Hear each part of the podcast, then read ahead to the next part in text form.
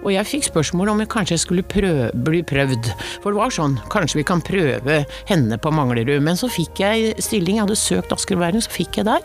Så kom jeg ut der på orden. Og, og det var stort, for da ble jeg satt på øh, ordenstjeneste. Og da måtte jeg jo kjøre bil. Og jeg husker min første tur med, med, politibilen ut av politihuset i Sandvika. Da sto alle ansatte i vinduskarmen og skulle se går dette bra, Gro skal ut og kjøre politibil i dag.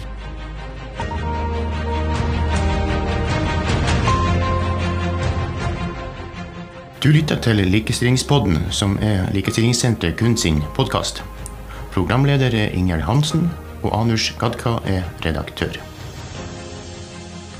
Likestillingspodden ønsker å bidra til økt kunnskap om likestilling i Norge. En viktig del av dette er å lære av historien.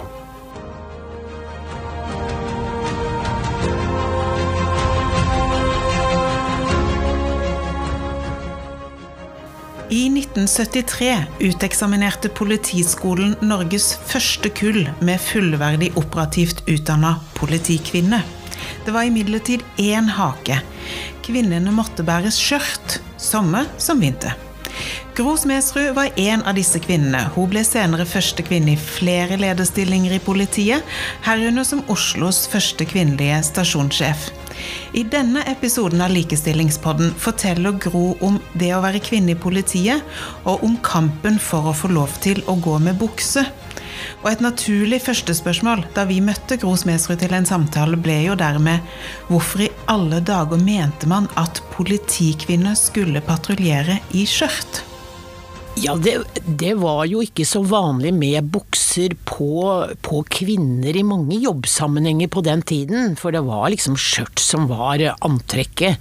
Eh, men i en sånn en praktisk jobb som politiet, så var det jo det, var veldig vanskelig, og det var, det var eh, ikke lett å akseptere at allerede der ble det gjort en forskjell på oss.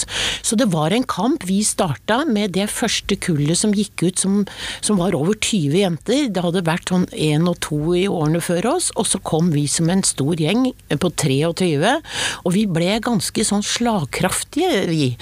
Og um, så var det en, avis som uh, huka tak i en av jentene og lurte om hun kunne få bli med på oppdrag, og avbilde henne uh, i forskjellige situasjoner. Og det kom jo på store oppslag, og det var jo hun som klabba over gjerdet med skjørtet oppover låra og pågrep eh, arrestanter eh, i ganske kinkige situasjoner med det skjørtet, så, så etaten ble nesten litt latterliggjort at dette går jo bare ikke lenger. Men det tok så lang tid, og 74-1974 så fikk vi, vi bukser, da. Men vi kjørte jo sakene via lederne våre og helt opp til departementet, og departements eh, Ja, jeg skal ikke si hvem som uttalte seg, men på høyt nivå i departementet så uttalte man seg også ofte til pressen, da, for pressen hang på. Og da var begrunnelsen at nei, bukser er bare et moteblaff, det kan vi ikke være med på. Publikum kan jo ta feil, de tror det er en mann, og så er det ei kvinne. Og så er det jo ikke pent med damer i, i bukse. Så det, det var liksom en del av argumentasjonen. Men så fikk vi det til slutt, da. Vi skal komme litt tilbake til noen episoder seinere med deg i skjørt patruljerende i Oslos vintergate, men jeg har lyst til å gå tilbake sånn helt nesten til barndommen, Egro. Hvorfor ville du bli politi? Jeg tror jeg alltid har vært sånn robust type. Det er jeg. Jeg er jo født og oppvokst på en gård på Hadeland med med flere søsken og dyr, og vi måtte hjelpe til. Vi var, ja, jeg drev mye idrett. Eh, sånn at eh, jeg hadde alltid Det sto faktisk mellom å bli journalist og politi, for jeg har nok alltid likt å, å være der ting skjer å være litt sånn oppdatert på, på, ting. Ikke sånn at jeg må bry meg med alt, men jeg, men jeg liker nok å, å, å, være litt oppdatert på, på der ting skjer. Og det, derfor var politiet det var eneste Når jeg først bestemte meg, så var det det jeg skulle bli, og ferdig med det. Men det er jo litt interessant dette, for du er født i 52, mm. og først i 58 så kom jo kvinner inn mm. på politiskolen mm. i det hele tatt. Mm. Så det var jo ikke et yrke som lå naturlig for en ung kvinne, jente, Nei. og tenke at dette vil jeg gjøre. Nei. Men for deg var det Ja, vi hadde jo noen forbilder før oss som ikke fikk lov til å være så synlige egentlig i etaten, men som var synlige i langrennssporet i tillegg, eller i stedet. Berit Mørdre Lammedal var en av de første, veldig synlig og olympisk mester og verdensmester og alt mulig sånt. Men, men hun var såpass lite synlig i jobbsammenheng, sånn at, men hun var samtidig et forbilde for oss jentene, da. Så Nei, hvorfor hvorfor du skulle rote seg bort i en sånn en spesiell stilling som ung jente, vet jeg jo ikke helt, men jeg, jeg ser i ettertid at jeg var for ung. Jeg var 19 år og rett fra skolen, og jeg var for ung for det var altfor tøft å, å komme til Oslo by til hverdagen der. og ikke nødvendigvis publikums oppførsel, men det var i etaten i innad i etaten som ikke klarte å akseptere at oi, her kommer de, liksom. Skal vi ha sånne her og nå, da? Og da, da var det mm, Det var litt så morsomt, for at jeg fikk tilbud Da hadde jo Oslo politidistrikt, som det heter nå, da, de hadde egentlig bare kvinner på Grønland og eh, politihuset, eller Møllergata 19, som det var da. Og jeg fikk spørsmål om jeg kanskje skulle prøve, bli prøvd. For det var sånn, kanskje vi kan prøve henne på Manglerud. Men så fikk jeg stilling, jeg hadde søkt Asker Bærum, så fikk jeg der. Så kom jeg ut der på orden. Og, og det var stort, for da ble jeg satt på ordenstjeneste. Og da måtte jeg jo kjøre bil. Og jeg husker min første tur med, med, politibilen ut av politihuset i Sandvika. Da sto alle ansatte i vinduskarmen og skulle se går dette bra, Gro skal ut og kjøre politibil i dag. Jeg hadde jo faktisk da egen bil og førerkort, men det at jeg skulle sitte bak rattet, det var noe helt utrolig stort. Altså, kvinner kan egentlig ikke kjøre bil? Liksom, Nei, det kunne vi ikke. Nei, det kunne vi ikke. Så vi, det var så mye vi da ikke kunne. Eh, og mye av det ligger i at vi hadde ikke fått den Jo, det kullet vårt hadde fått det, men de, de før oss hadde ikke fått den samme utdannelsen, faktisk. For det kullet vårt, de var de første som fikk delta i idrett, gymnastikk heter det vel da, og som fikk lov til å være i seks uker i Odalen, i leir, og trene på fysiske ting. Det hadde ikke jenter fått lov til før, og de fikk dermed heller ikke karakter i det. Og når gutta ble større og sterkere og flinkere i alt sånt, så skulle vi være en tilskuer til det hele. Ja. Så vi ble jo bare svakere og svakere. Men vi tok jo opp kampen, da, og viste oss fram. Men det var jo bare at én ting som gjaldt. Vi måtte bare bli bedre enn gutta. For hvis ikke så var jo bare vi noen tapere. Ja. Og her øh, Eh, er du da eneste kvinne i Asker på den tida? Ja, på orden. orden. Det var en dame før som, som, var etterforsker, men hun var ikke ute på noe sånn operativ tjeneste og gikk ikke i uniform, så hun hadde blitt litt sånn gjemt bort, for å si det rett ut. Men jeg skulle liksom være ute, da. Og jeg var, var også på Fornebu et år i den perioden, og så var jeg i utrykningspolitiet, og hele tida som først. Førstemann. Var det var det bare negative episoder sånn internt, eller fant du etter hvert noen allierte av gutta som, som heia litt på deg òg? Ja, jeg har, jeg har Når jeg ser tilbake, så syns jeg at jeg har hatt det veldig godt i politiet. Selv om jeg har måttet slåss litt for å få lov til å være der, så har jeg egentlig blitt behandla stort sett veldig bra. Stort sett. Men, og, og, tiden i Asker og Bærum var jo veldig, veldig bra. Jeg trivdes veldig godt. Men, men eh, du måtte innta en sånn jeg pleier å si at det er bedre med originalen enn en dårlig kopi. Jeg ville ikke bli sånn helt en av gutta, som på oppholdsrommet liksom drar de groveste vitsene, som, som, som liksom drikker mest på en fest, liksom blir den typen. Det hadde jeg bestemt meg at jeg, skal få lov, jeg må få lov til å være kvinne, og ikke gidde å le av alt som eh, fjaset som kommer kanskje på kvinners bekostning.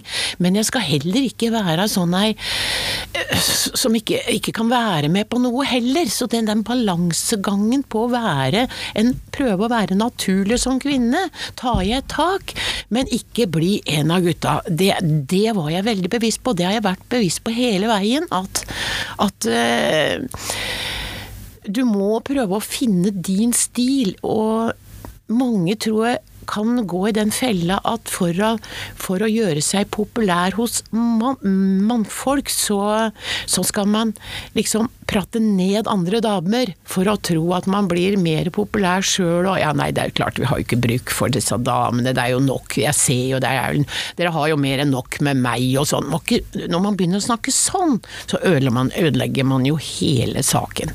Men opplevelsen av å være annerledes og stå litt utafor, ja. den har du kjent godt på? Helt klart, helt klart. Du, I begynnelsen så var det jo sånn at, at ja, vi gutta går ut og ordner opp, og kanskje du som dame får passe på radioen eller noe sånt noe. Men det snudde egentlig fort. Og jeg har jo jobba med menn som, som jeg mener at jeg har, har som jeg mener i dag var svakere enn meg, faktisk, men som hadde blitt dytta fram og hjulpet fram. Men, men jeg, jeg, fant en rolle, og jeg, jeg har Og så er det noe med det at har du noen sånne suksesshistorier, at du har vært med på noe som du har faktisk løst bra, ordna opp og ikke gått og gjemt deg, for å si det sånn, så flyter du lenge på det, de suksesshistoriene. Du nevnte i stad at du måtte være litt bedre enn de andre i ja. situasjoner. Ja. Kan du gi noen sånn eksempler på det? Altså hvordan du tenkte, hvordan du Hvordan det var? Nei, det, det, var jo det at, eh, at uh, enhver oppgave skulle ingen ha noe å utsette på. For når du er alene, så så blir du så synlig. Så en, en mann kunne da gjøre masse blummer eh, eh, som ikke jeg kunne tillate meg. Og, og, og, det kunne være en katastrofe hvis jeg gjorde en liten ting. Eh, og, og, gjorde en, en, mann det samme, så var det ingen som registrerte, men de hadde gjerne sjøl satt eh, grensene for hva som er akseptabel og ikke. Da. Så, så, så, det var jo nok om, om jeg skulle ha krasja en politibil etter tredje vakt eller noe, så hadde jo alle sagt ja, det, det, er jo det vi har sagt. Politidame kan jo ikke kjøre bil. Ferdig med det. Liksom, sånn, det hadde du på deg, men det gjorde deg også god.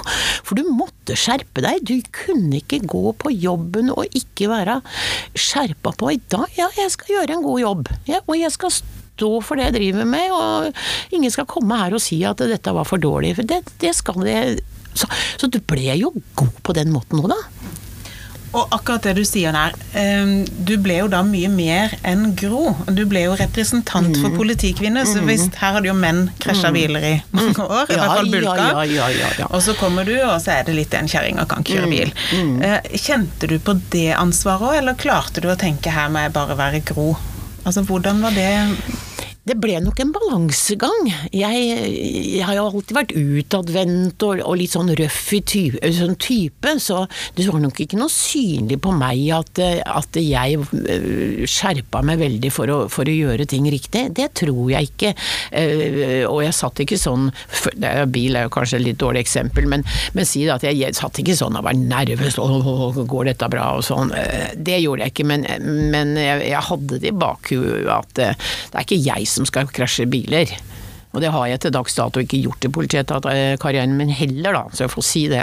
Men jeg, jeg tenker du, du dro det jo såpass langt, begynte ikke du i utrykningstjenesten òg? Jeg var jo, ja det også var jo morsomt, for at vi var jo to damer, eh, to damer som uh, gikk på skolen samtidig. Så fant vi oss kanskje vi skal søke utrykningspoliti, det virka spennende.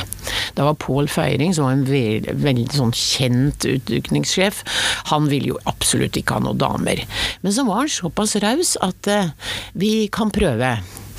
Og vi fikk altså en uniformert bil og hele Sør-Norge som eh, operasjonsfelt, for å si det sånn.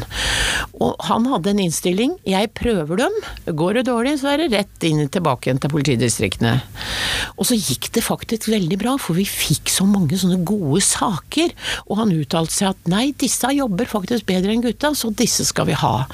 Og, og sånn, sånn, fortsatte det. Du, men igjen, du måtte vise til resultater, altså.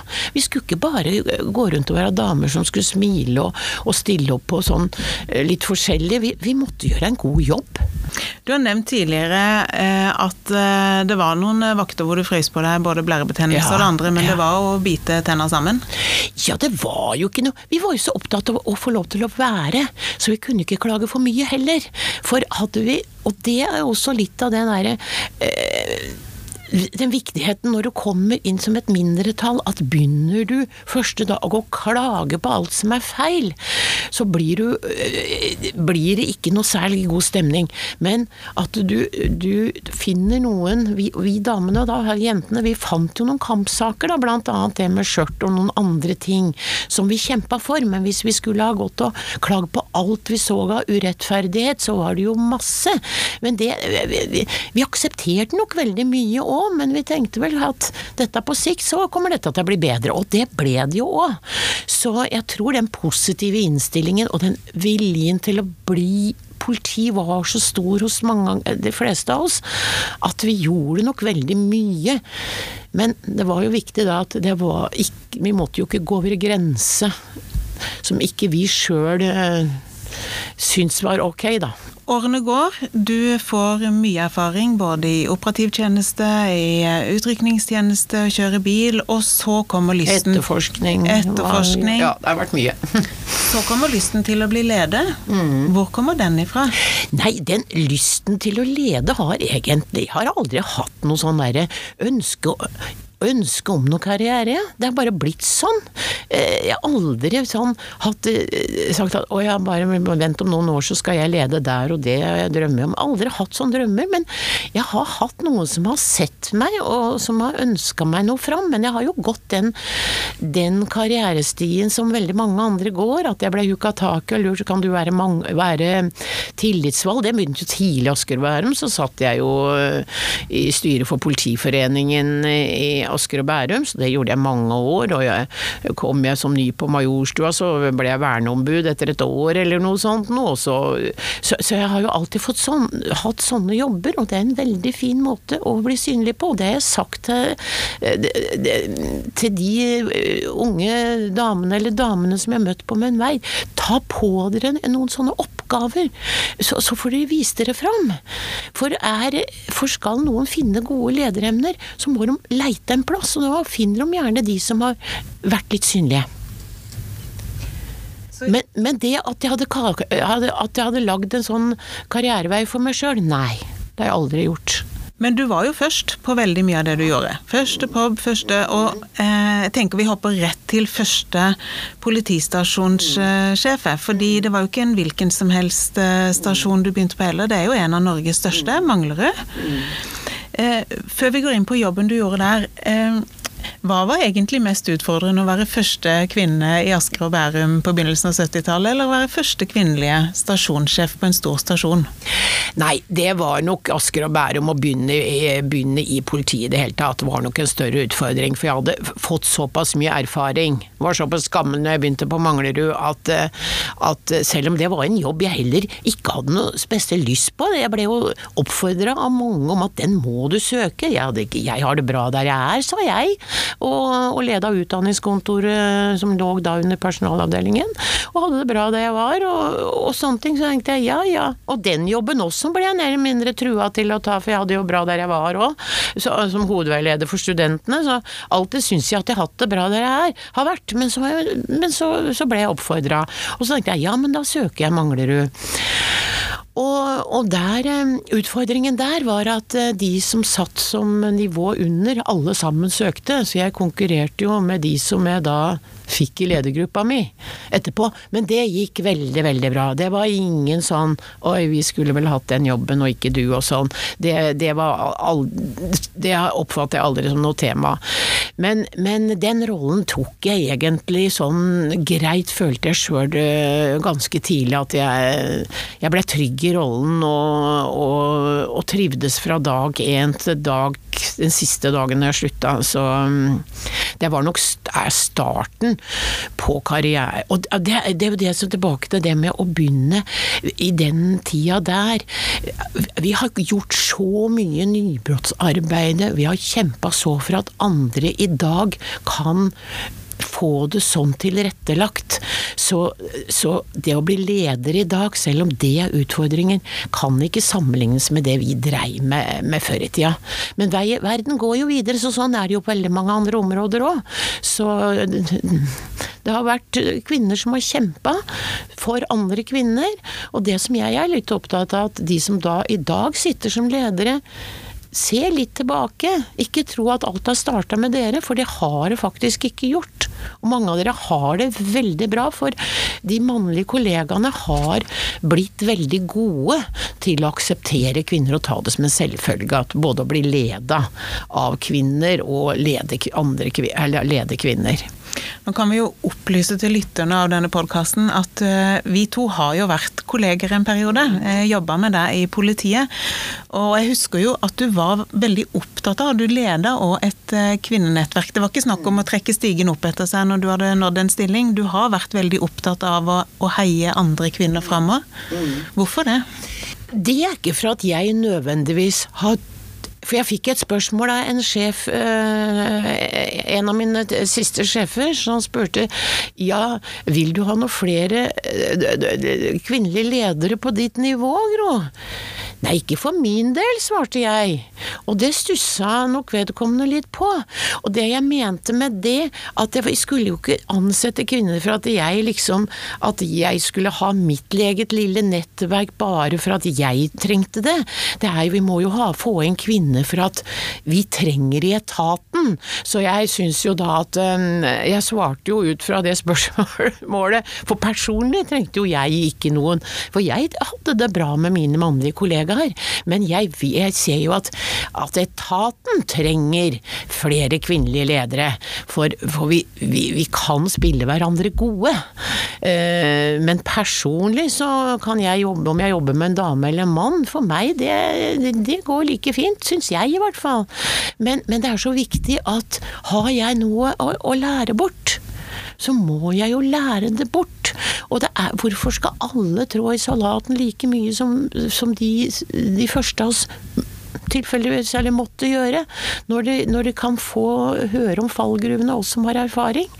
Så, så, jeg liker det å lære. Og jeg fikk jo mange, hadde jo mange unge ledere som, som gjerne vil høre hvordan turte du å bli sjef? Hvordan, hva gjorde du? Hva gjør du annerledes? Jeg gjør egentlig ikke noe, det er ikke noe farlig. Og det var mange som sa, jeg tør ikke å bli leder. Ja, men hva er du redd for? Men, men, det er noe sånn indre, indre som sier at dette er skummelt. Og betydningen da av rollemodeller. Mm. Det er jo det du sier her, at de mm. yngre spør deg hvordan torde du? Du har nevnt Berit ja. Mørdre sjøl. Ja, altså ja, det at man har noen rollemodeller. Ja. Ja, og de må være der, og de er så viktige, men da må ikke de bare være der til for seg sjøl. De må se litt, og det er jo som å komme, komme inn kanskje på et ledermøte der det sitter en no, ny leder. Gå da og sett deg ved siden av henne, og del kaffekanna, og få henne inn i varmen. I stedet for at du da setter deg sammen med bare mannfolk, og så ler du og har det veldig moro, for du er allerede husvarm, så, så du kan spille, vise fram hvor populær du er og sånn. Nei, Nei, gå og sett deg det, Men det gjelder også nyansatte menn eller noe sånt. Sett deg gjerne sammen med den som er ny, og, og prat litt med den. Og, den. og, det glemmer ikke den som du gjør det mot, altså. Det kan jeg love, for det har jeg fått høre mye av. Du så meg. Og vi må i hvert fall se de damene som vi vet sliter, da med å bli redd for ikke å bli akseptert, redd for ikke å gjøre god nok jobb. Så kommer du som leder på en politistasjon som ligger øst i Oslo. Mm, mm. Det vil også si at eh, det er en stasjon hvor mange av eh, Oslos etniske minoriteter bor i dette området. Og det var du jo òg veldig opptatt av. Du var på hjemmebesøk, du dro i gang dialog med moskeer. Tror du noe av det engasjementet henger sammen med alt dette vi har snakka om nå? Altså din opplevelse av å kjenne litt utenforskap? Viktigheten av inkludering. Det ble et veldig ledende spørsmål, kjenner jeg, men har du reflektert noe over det? Jeg tror Ja, eh, men jeg tror det handler faktisk om, eh, om min egen barndom. Eh, og Det er ikke noe hemmelighet, men min far var motstandsmann under krigen. Og rømte til Sverige, og fant mor i Sverige, og flytta tilbake til Gran på Hadeland og tok over gården. Som da hadde kommet ut av familien under krigen. På den tiden så var mor en noe veldig fremmed.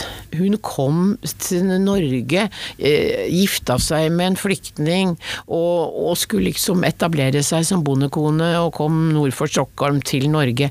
Så jeg tror jeg har lært opp til det viktigheten av å tørre å stå i ting. Ta vare på andre som kanskje føler utenforskap. Og jeg tror jeg nok jeg har mye av det i meg også, som jeg nok henter fram. Jeg liker ikke at noen sitter aleine. Jeg liker ikke at noen, noen eh, Og derfor jobber jeg jo med det i dag, i dag jeg gjør.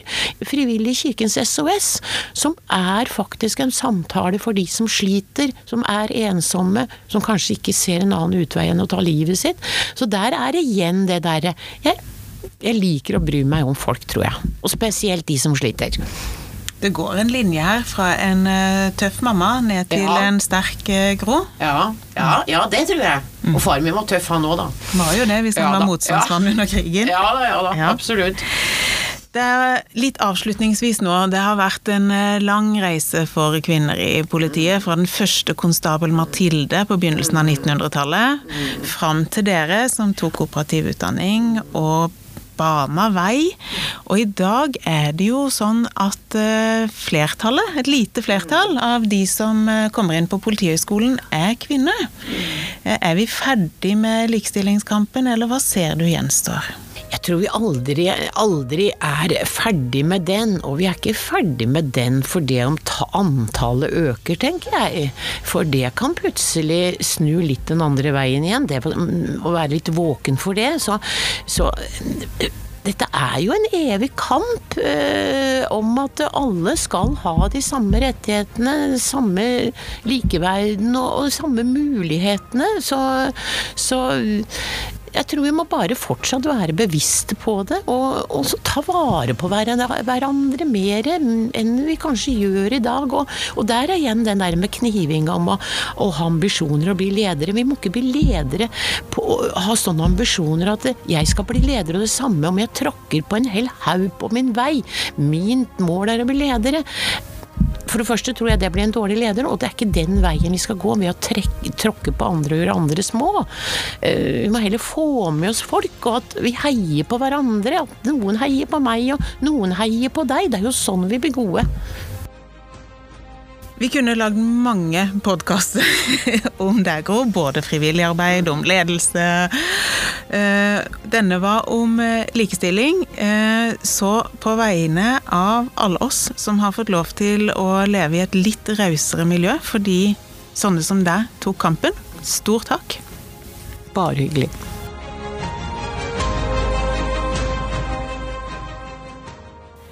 Du har lytta til en episode av Likestillingspodden fra Likestillingssenteret KUN. Hør også gjerne flere av våre episoder, og vi blir glad om du vil abonnere på podkasten. Den er gratis, og du finner den på Spotify, Google Podcast, Apple Podcast, Radio Public eller på hjemmesiden vår kun.no likestillingspodden. Vi tar gjerne tilbakemelding fra deg på denne episoden, eller tips om personer vi bør snakke med, og temaer vi bør ta opp. Kontakt oss på postalfakrøllkun.no. Vi høres i neste episode.